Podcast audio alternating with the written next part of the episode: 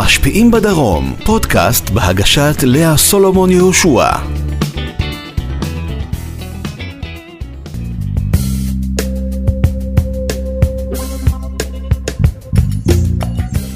שלום, ברוכות הבאות, ברוכים הבאים, המשפיעים בדרום, והיום יושב כאן uh, לצידי אדם, שאיכשהו באחד הגלגולים הקודמים של העשייה שלו, אני הכרתי אותו כמנכ"ל הסימפוניאטה, או מנהל הס- הסימפוניאטה הישראלית באר שבע. ממש ככה. נכון? ממש. ופתאום אומרים לי, הבן אדם יושב ראש המועצה האזורית יואב.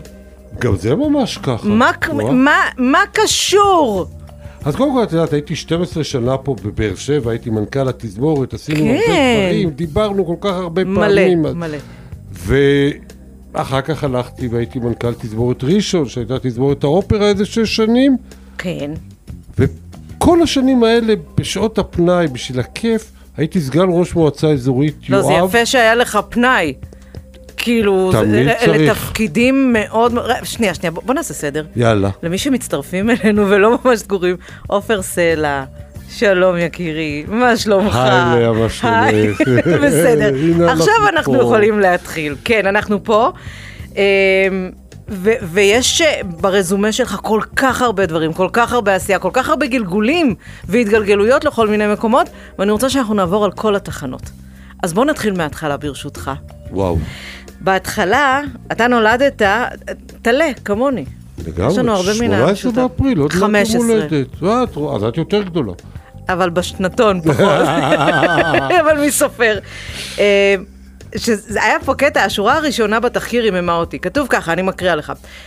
גדל ברמת אביב, שבזמנו הייתה שכונה קטנה של זוגות צעירים חסרי ממון. היום בישראל של 2023, להגיד על רמת אביב חסרי ממון, זה הדבר הכי הזוי אי פעם שמישהו יכול לחשוב עליו. אה, זה נכון, אני יכול להגיד לך אפילו שההורים שלי הלכו לבחור דירה, היה להם שתי אפשרויות.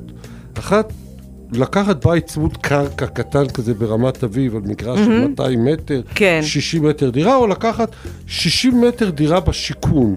אוקיי. אז אבא שלי אמר, מה, אני אהיה חקלאי ואגדל תרנגולת? שיכון. היום כמה הוא היום אנחנו. מבינים את ההבדל, בדיוק, אנחנו מבינים את ההבדל לגמרי. איי. אבל זאת הייתה רמת אביב, את יודעת, יגאל, אני זוכר את עצמי בתור ילד קטן ברמת אביב, מאבד את הרובה עט שלי בחול, איפה שאחר כך עשו מדרכות. אפילו מדרכות לא היה. אז. באמת מה- שיכון. מה הזיכרונות שלך משם? זאת אומרת, אה, קח אותי למקום אז, כשאתה היית תראי, ילד. הסבא וסבתא גרו בצפון תל אביב של היום, שם, איפשהו באזור אבן גבירול אה, צפון. אוקיי. ואז אתה הייתה עובר את הירקון, ופעם בשעה היה אוטובוס שעובר את הירקון לאזור ההוא, שהיה בו שכמונה, שהייתה שכונה ערבית. התחילו להקים אולי את הבניין הראשון של אוניברסיטת תל אביב, והיו כמה שיכונים ברמת אביב. עכשיו, זה היה חור. זאת אומרת, זה זה לא היה מה שאנחנו מכירים היום. זה לא... זה היה, לא, לא. בטח, א', זה לא היה מה שיש היום, זה היה שיכון זוגות צעירים, מלא ילדים, המון שמחת חיים, המון תום, נאיביות, דשאים ראשונים ששותלים, עצים ראשונים שאתה רואה, פרחים ראשונים. אני זוכר תקופה נהדרת, שני בתי ספר יסודיים, תיכון אחד, אליאנס. כן, הצרפתי. אה, בגלל זה זרקו אותי בסוף ט', כי הצרפתית שלי באותם שנים הייתה פביין. Oh, vous ne parlez pas français Ah, mais aujourd'hui, je parle français un petit peu. Ah, aujourd'hui un petit Ah, peu. oui. Ah, d'accord, d'accord. מה שאני מדברת צרפתית, נקרא מחרטטת בביטחון צרפתית, זה משנה אחת במקיף ג' עם גילה מלמוד, זהו. אה, אבל זה נטמע, הייתה הטמעה משמעותית. אמ, בכלל, תל אביב גם של אותם ימים, זה כמו שהיום אני אגיד לך, יש המון המון שכונות שבנו שם בצפון, איפה שפעם היו, רחמנא ליצלן, מסתובבות זונות, נכון? היום זה נחשב ל... אבל זה לא שהסתובבו זונות רק, היה גם, אבל זה היה גבעות חול, והיינו משחקים מלך על הגבעה, זאת אומרת, זה היה היער של החלומות. והיינו הולכים ומשחקים מלך על הגבעה, ושני דגלים, ומי חשב בכלל על ג' וד' ו... מי האוכלוסייה שהייתה שם? כי נורא אוהבים לבוא ולהגיד, אה, אתם האשכנזים באתם וקיבלתם את המקומות הטובים, בעוד שאת כל השאר זרקו אי שם בחורים בדרום. לא יודע, את יודעת, השכנה שלי בקומה מתחתיי דיברה ספניולית, והשכנה שלי בצד השני, לדעתי, דיברה תימנית, כי לא הבנתי אף פעם אף מילה. תודה רבה, זה שם- מה שרציתי לדעת. היה שם חיבור של עם ישראל. רק כשהגעתי לצבא, הבנתי שיש פה עדות ויש פה אשכנזים ומרוקאים וכל מיני דברים כאלה. ברמת אביב תמיד היינו כאלה, רק אף פעם לא דיברו על זה, זה אף פעם לא היה אישו. כי זה לא היה אישו. זה לא היה חשוב בכלל. אני חושבת שזה נהיה אישו פה בשנים האחרונות, כי יש כאלה שדואגים לשלוף כל הזמן את השד העדתי מהבקבוק ו- ו- וליצור פה איזשהו מתח הם כביכול יוצרים בינינו. שד עדתי, אני לא בטוח שיש פה דבר כזה בכלל. זה בעיניי וזה נורא מרגיז אותי, אני מוכרחה להודות. גם אותי. האמת שגם אותי. כן. דרך אגב, תראי היום, אני חי במועצה אזורית יואב, יש בה מושבים ויש בה קיבוצים, ובתוך הקיבוצים שפעם באמת היו אה, יותר של יוצאי אה, אירופה, מזרח אירופה, מערב אירופה, יש עם ישראל. יש עם ישראל. אני, את יודעת, אני, את לא יודעת אפילו. מה? אנחנו מכירים כל כך הרבה שנים. אני נשוי לבת ירוחם. נשוי לבת ירוחם. בוודאי, אני חי איתה כבר אה, 40 שנה. יפה, שבה השורשים המקורות שלה, ראינו פה קודם, יש, אני, אני אספר, אה, באולפן, מעבר לקיר, יש אה, מכונת תפירה של אה, זינגר, אנטיקה כזאת. ואז אמרת לי, יואו, יש לי כזאת בבית, ואמרתי לך שזה פיס מאוד מאוד יפה, והתחלנו לדבר על זה קצת, ואמרת, כן, אולי זה גם אה, הסבתא, הסבתא של אשתי הביאה נכון, את זה. נכון. מאי שם פולין. אז, אז, אז היו גם פולנים בירוחם, ועדיין יש, ו- וזה לא... לא היו פולנים, אז אז היו רומנים בירוחם. רומנים, אוקיי. הביאו איזה שבע משפחות רומניות, אחת מהן משפחת סינגולדה, אוקיי. אבי, אבי, יוצא... ושאר החברים, כן. שהם בני דודים של אשתי, ואבא של אשתי היה מזכיר מועצת פועלי ירוחם, וכל הסביבה היה לחלוטין לא אשכנזים, לחלוטין לא. אשתי מבשלת במרוקאית, מקללת במרוקאית, מחבקת במרוקאית, זה מה שיש לי בבית. אז כל השד העדתי הזה בעיניי זה משהו מופרך. זה, אני אגיד לך מה, הוא לא מופרך כשהוא מתקיים, זאת אומרת, יש מי שדואג ללבות באמצעותו כל מיני אה, תככים ו- ודברים נורא נורא מכוערים, וכשאני חושבת, נגיד, על, בדקות האחרונות שדיברנו, שאמרת לי, כן, גם בתל אביב היו אה, תימנים וספניולים ו- ומזרחים ואשכנזים, ו- וגם בירוחם ובכל מקום, אני אומרת, רגע, אבל זה מה שמלכתחילה בן גוריון רצה שיהיה, לא? את יודעת, אני אמרתי לך קודם, לפני שנכנסנו לאולפן, כן.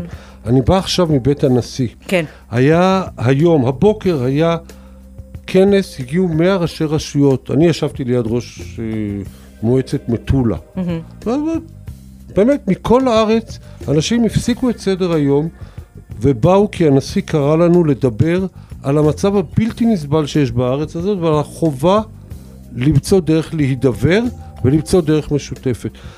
ישבו שם חרדים מאלעד, וישבו שם קיבוצניקים ומושבניקים וראשי ערים, שחלקם חברי מרכז ליכוד וחלקם לא יודע אפילו מאיפה. והצלחנו, ישבנו ודיברנו, וישבנו ו... לא הלכתם חווינו חלום. וואלה. לא זרקתם אחד את השני החוצה לא מהחדר? הנשיא לא נותן לא. אפשרות כזאת. לא, האמת שלא. לא, אז, אז זה נשמע לי שאתה יצאת משם מאוד מעודד ומאוד אופטימי. השאלה היא באמת האם פה. יש... אה, אני כל שבת עומד פה, אה, קילומטר מהאולפן, על יד עיריית באר מה, שבע. בהפגנות? בוודאי, בוודאי, אבל אני עומד בהפגנות לא כי אני רוצה קיטוב, ולא כי אני רוצה סרבנות, אלא כי אני רוצה לדבר.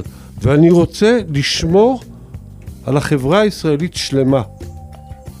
וזה מה שאנחנו מנסים. מה אתה יותר, מודאג או אופטימי? אני מאוד מודאג, מאוד מאוד מודאג, כי אני חושב שיש אנשים שלא רוצים לשמוע. לא רוצים לשמוע. תשמעו, היום דיבר ראש מועצה אזורית מבואות חרמון על אירוע שקרה אתמול על גבול, בגבול הצפון, שקבוצה של אה, לוחמים מלבנון כן. התריסו מול לוחמי צה"ל. עשר שנים זה לא קרה. הם יצאו, הם עשו שם הפגנה וכל זה. זאת אומרת, אם אנחנו לא נצליח לשמור על איזשהו מכנה משותף ואיזושהי לכידות פנימית ואיזושהי פשרה, כל אחד מאיתנו צריך להתפשר במשהו. האויבים שלנו מחכים, אויבים יש לנו בלי עין הרע. אתה יודע, לפעמים אני מסתכלת ואני אומרת, בוא'נה, האויבים שלנו עכשיו, הם, הם מה זה לא צריכים לעשות כלום? אנחנו כל כך עושים בשבילם את העבודה מבפנים. לגמרי, לגמרי, ואני חושב שיש לנו כמנהיגות אה, מנהיגות אזורית, מנהיגות מקומית, יש לנו תפקיד סופר חשוב. ופעם אחת להגיד, חבר'ה, רגע, תרגיעו, מספיק, תרגיעו רגע. ולחפש דרך למצוא את שביל הזהב. זה לא יהיה פשוט. זה לא יהיה פשוט. אני לא חושב שהחיים קלים כרגע. הדילמות הן אמיתיות, הן לא פשוטות. אבל חייבים למצוא את הדרך. זאת אומרת, אין לנו אלטרנטיבה לדבר הזה. וזה מה שצריך לעשות היום. זו הסיבה שבחרת להיות אה, ראש רשות? לשנות את העולם בדרכך? או בחלקת האלוהים הקטנה שלך? תראי, אני מעל 25 שנה סגן ראש מועצה בהתנדבות, בשעות הפנאי שלי, שאין לי הרבה. כן. כל השנים ניהלתי בעסקים גדולים, ותמיד חשבתי שאני צריך לתרום לקהילה שלי משהו. והייתי סגן ראש מועצה, הייתי בעיקר אחראי על חינוך ועל בתי הספר וכל מיני מערכות כאלה. וכן, אני מאמין שאדם שרוצה להיות רלוונטי, צריך תמיד למצוא את הדרך לתרום ולהיות חלק מהמערכת של העשייה הציבורית. ועכשיו גם הזדמנה לי ההזדמנות אה, להיות ראש רשות. אבל ואני... זו מערכת מאוד, אה, אני אקרא לזה בעדינות, זה מאוד ללכלך את הידיים.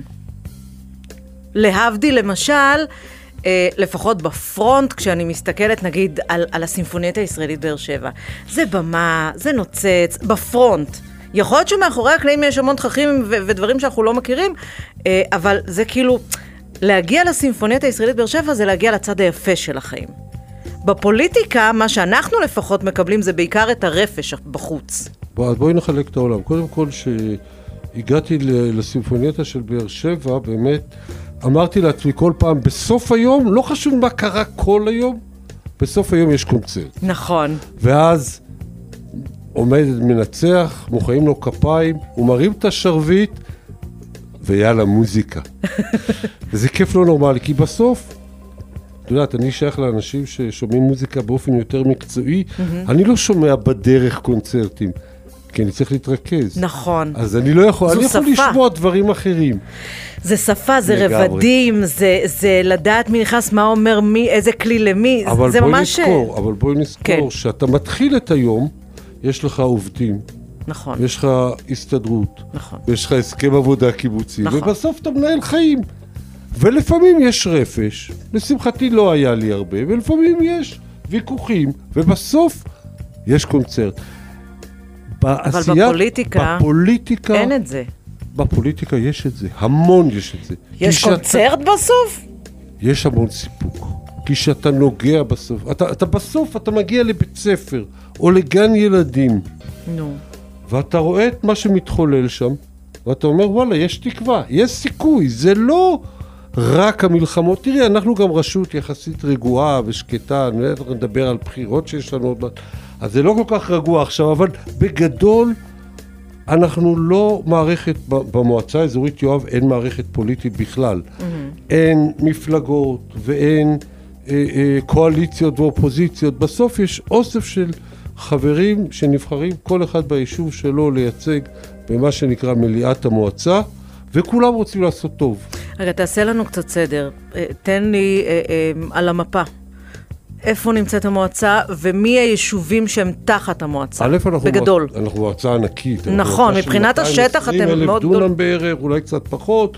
14 יישובים, יש לנו אה, תשעה קיבוצים, mm-hmm. ארבעה מושבים. וכפר נוער אחד, ויישוב ערבי אחד אפילו, שנקרא אל-עזי. אוקיי. Okay. הקיבוצים מתחילים ברבדים במזרח, צפון-מזרח, וכפר מנחם, וכפר הריף, וסגולה, ונחלה, וורדון, ובית ניר, שאלה אזורים שבשנים האחרונות, בעקבות נגיד מפעלים כמו אינטר אה, וכאלה, מאוד... שדה יואב ונגבה, שדה אה, יואב, איך אפשר לשכוח אותם? ברור, ברור. אה, אלה יישובים שהפכו למאוד מאוד מבוקשים. נכון. עם אוכלוסייה מאוד איכותית. א', נכון, הסוציו-אקונומי של המועצה הוא גבוה, הוא שמונה, הביקוש הוא עצום. יש בעיות... אמרת ביקוש ו- ואין היצע גדול, אני יודעת שיש המון אנשים ששנים בווייטינג ליסט להרחבות, ל... נכון, נכון, נכון, נכון, זה מאוד קשה. זה שהחיינו צריך להגיד. לא, אני לא אומר שהחיינו על דבר אחר, כי יש איזו אנומליה. בסך הכל אנחנו רוצים שהילדים שלנו יחזרו הביתה. הילדים שלנו מתים לחזור הביתה, והמדינה מייצרת תהליכים של עליית מחירים מופרכת לחלוטין. בוא, סך הכל... אתה כראש רשות, יש לך אפשרות להוזיל, להוזיל מחירים אה, חושב- כדי להחזיר את אותם ילדים יכולת- הביתה? יש לי יכולת לייצר אה, שותפות רחבה ציבורית שתיאבק במגמה הזאת. אוקיי. אה, זה לא פשוט, זה לא פשוט. תראה, המחירים בסוף זה שוק, וזה מינהל מקרקעי ישראל שמייצר הליכים של התייקרויות לא הגיוניות.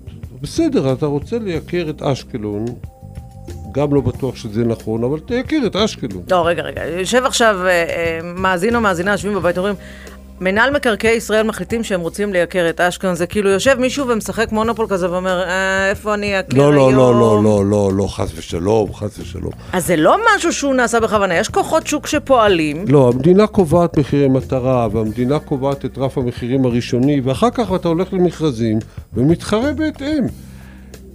היישובים של המועצה שלנו, הקיבוצים, נמצאים עכשיו בהליכי שיוך. בהליכי שיוך, מגרש עולה סכומים פסיכיים.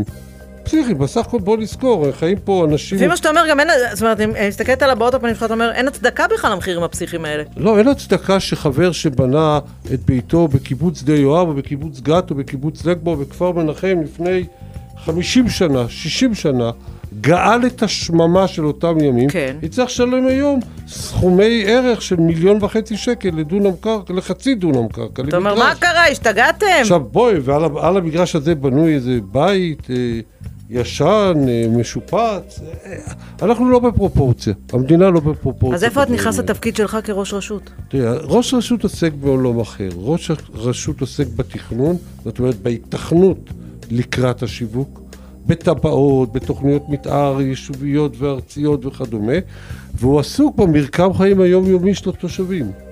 שזה כל מה שאני קורא האזורים המאוד רכים. אבל מרקם חיים והאזורים הרכים מושפעים הרבה מאוד גם מעלות קרקע. נכון, נכון. אנחנו מנסים להגיע למצב שיהיה לנו אה, אה, מה שנקרא הנחות מקום וכל מיני מודלים כאלה שמאוד קשה לקבל אותם, אבל אנחנו מנסים להיאבק על זה. אני חושב שאם הרשות תיאבק על זה ברצינות, היא גם תוכל להביא את זה במידה מסוימת ליישובים שלנו. במושבים יש עכשיו תוכניות של אה, בית שני בנחלה ובית שלישי בנחלה, שזה דברים שמאפשרים הוזלה מסוימת. אבל בסך שוב, הכל... כדי בעיקר להחזיר את הבנים והבנות הביתה. לגמרי, לגמרי. אבל צריך לזכור, אה, בסך הכל אה, אנחנו נמצאים באזור, בשולי אזורי הביקוש של המרכז. וזה בהחלט יוצר אה, רמת חיים יקרה, מחירים יקרים, ועלות חיים מאוד גבוהה, כי לגור בפריפריה זה לא לגור בבאר שבע אפילו. אבל מה התמורה? את יודעת, מועצה אזורית זה קודם כל אזור חקלאי, אזור של שטחים פתוחים, של בנייה נמוכה, של ריווח אוכלוסייה, ויש לזה ערך ענק. שאני יכולתי, היה קורונה, כן. אני יכולתי לצאת להליכה בשדות, אף אחד לא חיפש אותי. אז נכון, לא הלכנו ביחד, לא הלכנו בקבוצות, אבל הלכנו, הסתובבנו, אנחנו חיים בסביבה... זה מה שנקרא, יש איכות חיים ויש נכות חיים. כשאתה מגיע הביתה ויש לך מרחבים פתוחים ואתה לא צריך שעה וחצי להסתובב כדי לחפש חנייה, זו איכות חיים. לגמרי, אה, אבל כש- גם כשאתה יכול ללכת ברחוב, בוודאי, בבטחה. בשדה, ב- לבד, להיות לגמרי. בטוח, לדעת שאתה חי בסביבה מוגנת, לדעת שאתה חי בסביבה שהילד שלך יכול לצאת מהבית. והילדות לגמרי. שלי יצאו מהבית כל השנים, יחפות ורצו, ומקסימום הלכנו לחפש אותם. היום זה עוד יותר קל, כי כותבים בוואטסאפ, מי ראה את שיר? ותכף זהו, נספר מהעיתונים. שלך ולסיגל אשתך יש שתי בנות, נכון. שיר ואור. נכון. בנות כמה? שיר בת 27, עכשיו היה לה יום הולדת. מזל טוב. אור בעוד שבועיים יש לה יום הולדת, היא בת 22, שתיהן חיות בשדה יואב. אתה מה זה לא נראה אבא לבנות מעל גיל 20? אה, כי אני חתיך וצעיר, אבל זה לא שייך. ברור, ברור. כי בכל זאת התחתנת בגיל 16, 17 ב- כזה. 14. אצלנו בפולניה, אבל הדודה תמיד שאלה מתי תתחתן. ברור. לא? מהרגע שילד נולד, הדודות הפולניות שואלות, אה, נו מתי? אבל זה כיף ענק, את יודעת, כי אני חי בסך הכל בסביבה נורא, נורא קטנה. קיבוץ שדה יואב זה קיבוץ של 200 משפחות, לא, עסק די קטן, והבנות שלי חיות לידי. אז נכון, אה, אבא תביא כזה, ואבא תביא כזה, וזה בסדר. וכשאתה הולך לסופר, אל תשכח שאני צריכה חלב ושניצלים ושניצלים, והכל בסדר. נהנה אפילו, אבל הם בבית. ובאים לשתות קפה ביחד כמעט כל יום. איזה ואוכלים כיף. ארוחת ערב ביום שישי כל יום, אם לא נוסעים ל... כן, ברור. זה כיף ענק, וזה יתרון עצום שהילדות שלך... יישוב של אצלך. 200 משפחות. אה, זה לא 200. קצת זה היה פעם. אחד זה היה פעם. יותר מדי, סליחה על הביטוי, בתחת של השני? לא הבנתי את המילה, אבל לא חשוב. אה, אמרו פוליטיקלי קורקט, אני הפוליטיקאי. כן, אני לא הקורקט. אה, אני אגיד לך משהו, פעם זה היה נורא לחוץ, זה היה נורא דחוס. כי כולנו חיינו באותו מקום מהרגע שקמנו ועד הרגע שקמנו למחרת. אוקיי. עבדנו בתוך הקיבוץ, אה, החלטנו הכל ביחד, עשינו הכל ביחד, התפרנסנו ביחד, היינו במצוקות ביחד, הכל היה כל הזמן ביחד. זה כשהיה המודל הקיבוצי המודל הקיבוצי המסורתי. המסורתי. אני הייתי שותף מוביל אפילו לתהליך ההפרטה בקיבוץ שלי, אוקיי. שעשתה לשדה יואב דבר נפלא, זה קרה בכל קיבוצי המועצה האזורית.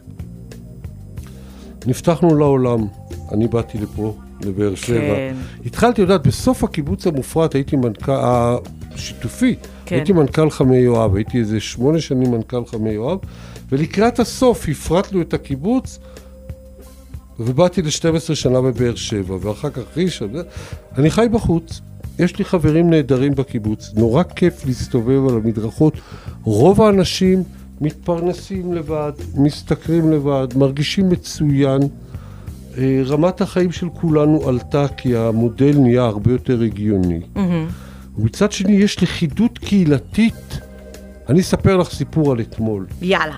אתמול, לפני הרבה הרבה שנים הייתי מורה ומחנך בתיכון צפית בכפר מנחם, זה הבית ספר העל יסודי של המועצה האזורית.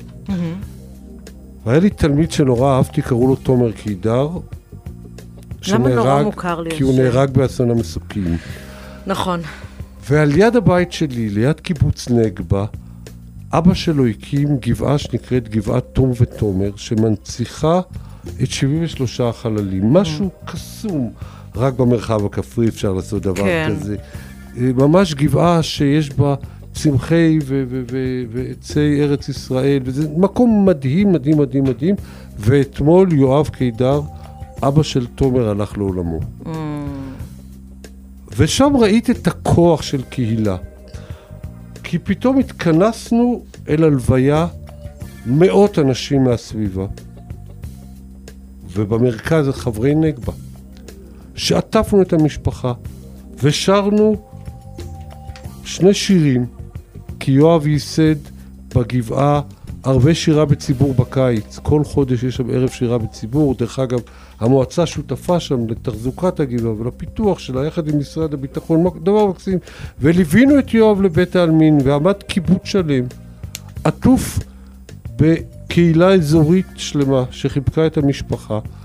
ואז ראית את הכוח של קהילה קטנה. זה מדהים.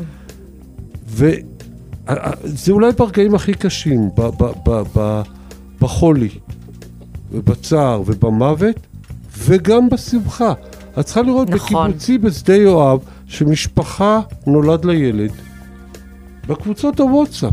זה כאילו של כולם, כולם זה שותפים של- לדבר הזה. כן, אבל גם כולם מבשלים ומביאים עוגה ומביאים משהו לאכול, וזה משהו קהילתי שרק בקהילות קטנות אפשר לקיים אותו. אני חושבת שזה יותר מקהילתי, זה קהילתי משפחתי. נכון, אבל, אבל זה רק שם אפשר, זה אי אפשר, אני לא יכול לראות, את- אני יכול לראות בלוק בבאר שבע, שיש בו אוכלוסייה צעירה שמצליחה לעשות את זה. אני לא מצליח לראות הרבה אפשרויות או הרבה חברות שיש בהן מצעירים ועד קשישים, שבסוף כולם צריכים לייצר איזה יחד ואיזשהו אתוס מקומי. הביחד הזה שאתה מדבר עליו הוא, הוא משהו שהיה מאוד אופייני, נגיד, בשכונות בשנות ה-70 וה-80. אבל איכשהו בשנים האחרונות אני מרגישה הרבה יותר נתק, הרבה יותר ריחוק. אה, אני מדברת על ערים, ברור, לא על, ברור. לא על, להבדיל מהיישובים הקהילתיים שאתה מדבר עליהם. אה, אבל נראה לי שכאילו קצת, אה, יש לי איזשהו, יש לי כמה גפים ב, ב, בלוז של אה, השתלשלות העניינים. אחרי תל אביב, רמת אביב, התגייסת לצבא, איפה היית? אה, הלכתי לנחל, הייתי נחלאי. נחל, שירתי יופי. בצבא, גמרתי את השירות הצבאי, והלכתי לשומר הצעיר. זאת אומרת, אז, בקיבוץ, הלכנו להדריך בתנועה, והייתי מדריך בשומר הצעיר. זה היה אבל משהו ש, שחשבת עליו כנער, או שזה פשוט התגלגל תוך כדי גדלתי, תנועה? אני גדלתי בשומר הצעיר ברמת אביב, והיה ברור אוקיי. שהולכים להגשמה בקיבוץ. אני לא בטוח שהייתה הגשמה כבר בשנים ההם, אבל זה היה ברור, זאת אומרת, זה היה מסלול תפור, כל הקבוצה שלי הלכה לנחל יחד. בסוף נשארנו רק שני חבר'ה בקיבוץ. את יודעת, שאומרים שמי שלא היה קיבוצניק בנעוריו, הוא חסר לב, ומי שנשאר כזה בבגרותו, הוא חסר משהו אחר, אני לא אגיד את זה. אבל, אה, אבל כן. לא נראה לי שאתה חסר זה או חסר זה. לא, דווקא נראה לי שעשית בחוכמה יותר משאר החברים שלך שלא לא נמצאים שם היום. אני מאוד מקווה, אני, אני מרגיש טוב עם מה שאני... אני יודעת אבל שהרבה. כאלה שהיו בגרעיני נחל וכאלה נשארים בקשר, זה מה שנקרא for life. אה, אתם. בקשר כל ה... בוודאי, מה זה, זה, אנחנו חיינו בתנועה, זה, אנחנו, אנש, אנחנו ממש קבוצה אחת. אותם 30 שהיינו ברמת אביב אז, ואחר כך 80 שהיינו בגרעין, נשארנו חברים, אנחנו נפגשים פעמיים בשנה, ועושים אה, אירועים וכל מיני דברים. אני אגיד לך למה אני שואלת. לפני כמה חודשים נסעתי ברכבת, וישב לידי אדם נורא מבוגר, בן 80 ומשהו כזה. רואים עליו כבר שהוא קצת מתקשה וזה, והתחלנו לדבר, והיה לו קר, אז עזרתי לו לשים את הסוודר שלו, ו- ואז הוא שאל אותי לאן אני נוסעת, ואז סיפרתי לו ושאלתי אותו לאן הוא נוסע. ואז הוא סיפר לי שהוא נוסע להיפגש, פגישת מחזור שנתית, עם החברים שלו מהנחל. אי שם בבנימינה או בזיכרון יעקב, הוא אומר כל שנה, לא משנה עם האישה, בלי האישה, חלק כבר אלמנים, חלק זה, אבל זה, הבן אדם בן 80 ומשהו בקושי הולך. הוא על הרכבת יושב ונוסע לפגוש את החברים שלו מהנחל, את המפגש השנתי. תראי, החוויות המשותפות מהנערות ומהשירות הצבאי נשארות לנצח. זה מדהים. נכון, אבל אני חושב, אני לא יודע אם זה עוד קיים היום אצל, אצל השכבות הצעירות יותר. בטוח שבשכבות שאני שייך אליהן, אני הייתי מחזור נחל סט. שזה אומר? התגייסנו ב-77. התגייסנו ב-77 לצבא, ו... זאת אומרת, זה חלק מהזהות ששואלים אותי, אז אני זוכר את המספר אישי, כמובן, מי יכול לזכור? איך אפשר שלא? ואני יודע את מחזור הנחל שלי, זאת אומרת, זה... זה, זה... את תשאלי אותי איזה מחזור הייתי אתה אומר, באליאנס. זה חלק מה-DNA. תשאלי אותי איזה מחזור הייתי אה, לא באליאנס. אני לא זוכר. אבל נחל סט זה ברור כי זה. חלק מה-DNA. נכון.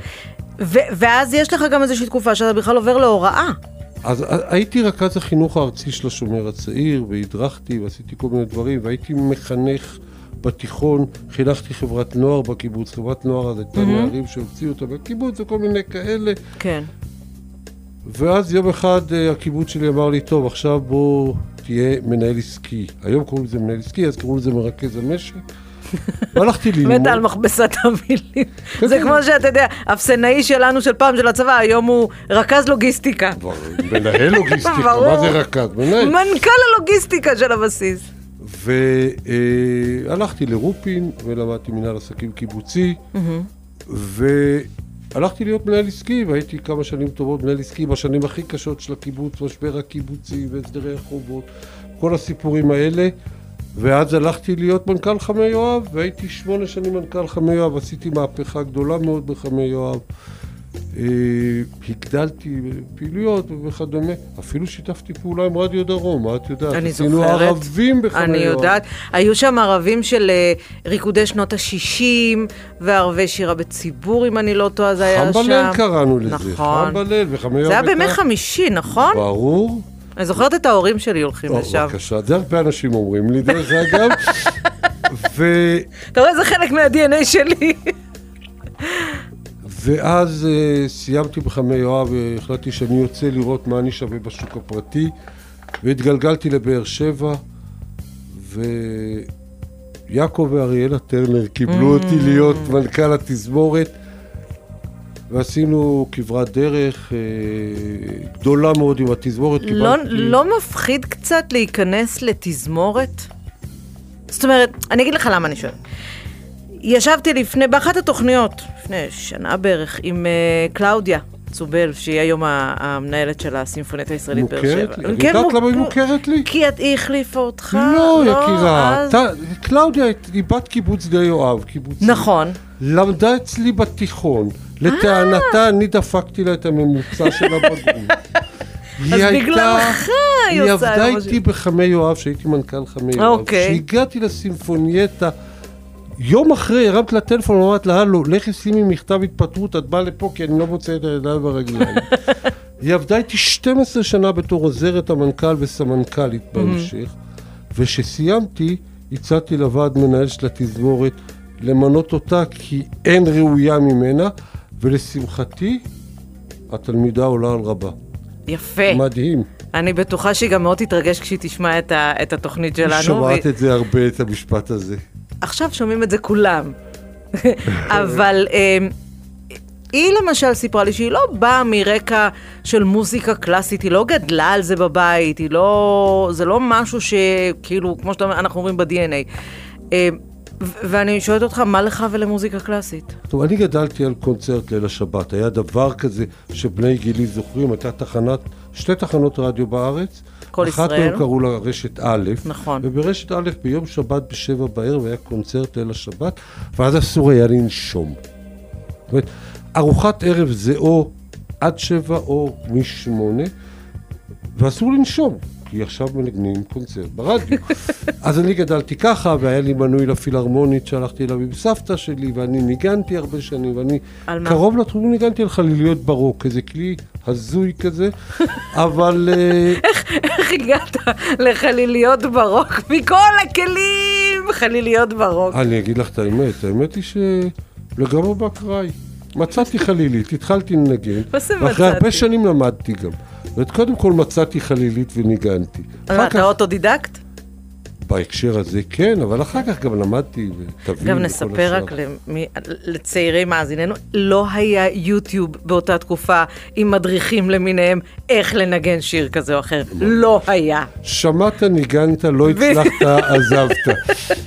אבל- לגמרי. ואני מהר מאוד עברתי לנגן מוזיקה קלאסית, ואפילו היה לי הרכב של מוזיקת ברוק שניגנתי בו. אה, ואחר כך היה לי חבורה שניגנתי איתה במועדוני זמר, עם יוסי לב הידוע מבאר שבע. כן. קיצור, הרבה דברים עברתי, והאמת שהציעו לי את התזמורת, אז הסתכלתי על ההנד הנטינג שעבדתי איתה, אמרתי להם, אני, תזמורת? אמרו לי, כדאי לך. באר שבע, תפקיד מעניין, חשוב, מעמד, כדאי לך, לך תנסה. פגשתי את טרנר, והאמת שאריאלה כבשה את ליבי. יושב ראש התזמורת אז, מאיר אנגלרד, שהיה כן. מנהל במפעלי תובלה- וכל מיני, אמרו לי, חבר'ה, בוא, זה מעניין. והנה, 12 שנה עשינו את זה, עשינו מהפך, קיבלנו תזמורת נכון. מתפרקת, ממש, ואוששנו אותה, ומשם עברתי לראשון לציון, ומראשון עברתי למועצה אזורית יואב, והנה אני פה. טוב, אמ, תשמע, אני, לא נעים לי לבשר לך, אבל אין לנו עוד כל כך הרבה זמן. וואו, וואו. עבר נורא מהר. נכון? זה מה שבדרך כלל אומרים לאנשים שיושבים פה. סוג של תרפיה כזאת שעוברת נורא נורא נורא מהר. אמ, אבל אני רוצה אה, לשחק איתך משחק שאני משחקת עם כל אה, אורח ואורחת שיושבים כאן לצידי. אני זורקת לך דברים, אתה, הדבר הראשון שעולה לך בראש, אתה שולף. הולך? סע. סעי. היי. אוקיי. אמ, אני פותחת לך שולחן, כל טוב הארץ, שפע, כמה שאתה רוצה, הכל מהכל, אבל שני כיסאות יש שם. אתה על כיסא אחד, הכיסא השני הוא ריק, אני אומרת לך, עופר, אתה יכול להזמין את מי שאתה רק רוצה, חי, מת, מהארץ, מהעולם, את מי אתה מזמין לשבת לארוחה. את בן גוריון. בכלל בלי ספק. גם כי אני בבאר שבע, גם כי החלום שלו היה הנגב ובניין הארץ, וגם כי אנחנו כל כך רחוקים מהחלום שלו היום, שזה פשוט נורא בעיניי. מה היית שואל אותו, שאלה ראשונה? מה היית עושה כדי שהיום נהיה במקום אחר? הוא קיבל כמה החלטות דרמטיות שבסוף גרמו לנו, כמו העובדה שאין חוקה בישראל, וכמו העובדה שהוא לא פירק את החינוך הסקטוריאלי הדתי, שאולי הובילו אותנו, בלי שהוא רצה, למקום לא טוב. השאלה היא אם תשובה כמו, אה, זה היה צו השעה, תספק אותך. את יודעת, אין פה שאלה של סיפוק או לא, זה עובדה. בן גוריון עשה את מה שהוא יכול היה, וכמו שהוא ניתח אז, אנחנו היום, 75 שנה אחרי חכמים, מבינים מה ש... זה חוכמת הבדיעבד. כן, אבל חוכמת בדיעבד לא עוזרת. כשאתה מנהיג, כשאתה מנהל, אתה מקבל החלטות כל רגע. אתה מבין את הסיטואציה כמו שהיא מתנהלת מולך. אתה משתדל לראות קדימה, אבל תשמע, אני חושבת שעצם העובדה שהוא הכריז על הקמת המדינה שמונה שעות לפני סוף המנדט הבריטי, בידיעה שכשהוא. עושה את זה תפרוץ מלחמה, לגמרי. אני אגיד את זה בצורה עדינה, צריך הרבה הרבה קורונוס בשביל זה. אבל uh, תזכרי שהוא הוביל תהליך שלם לקראת הכרזת המדינה, שאפשר לו להכריז עליה. שום אני דבר חושבת לא שתהיה לכם שיחה מאוד מאוד מעניינת לשניכם, אם ספק. תפגוש אותו. דרך אגב, בכיתה ז' או ח', אני כבר לא זוכר, נו. הייתי בשדה בוקר וראיינתי את בן גוריון. אני לא חושב שהצלחתי לשאול שאלה אחת אפילו. כל כך רעדתי מהסיטואציה, הוא כבר היה בגלות שם בשדה בוקר וזה. מה זאת אומרת, אתה... שלחו אותנו לדבר עם בן גוריון, והגענו אליו שלושה נערים מחטיבת הביניים הראשונה של רמת אביב. מדהים.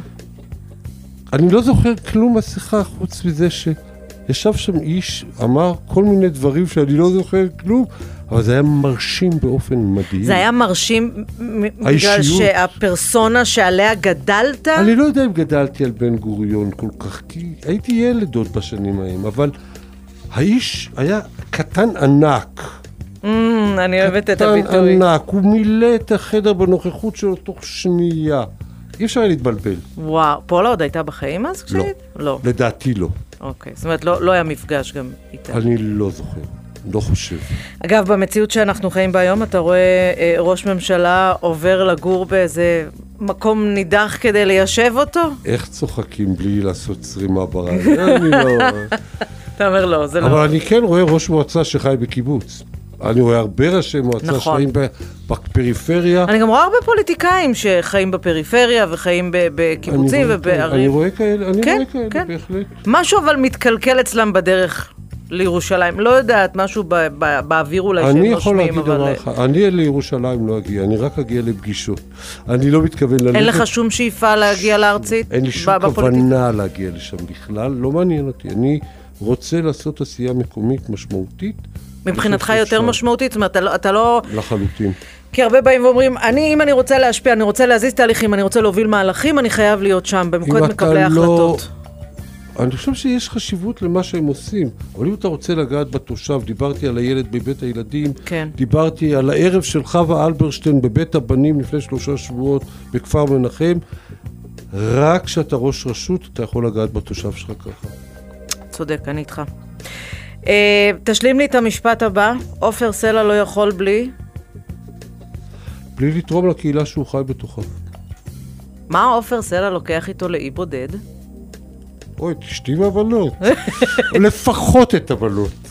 אוי ואבוי, אוי ואבוי. אמרתי את זה ברדיו. סיגל, את, את, אה, את מוזמנת, יש לי חדרים פנויים בבית אם את רוצה. אני חושב שאי אפשר להיכנס בינינו, זה חזק מדי. טפו חמסה שום בצל. אה, מה האוכל שאתה הכי אוהב?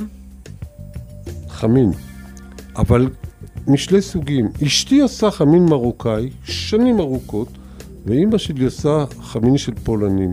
את שניהם אני אוהב. אתה חייב לעשות לי אה, סדר בהבחנה הקולינרית. מה זה אומר חמין מרוקאי ומה זה אומר חמין... זה שחיינה. בסדר, חוץ מהשם. לא, זה גם האוכל אחר, מה זאת אומרת? זה, יש בו חיטה ויש בו חומוס, ואנחנו, יש לנו ארביס.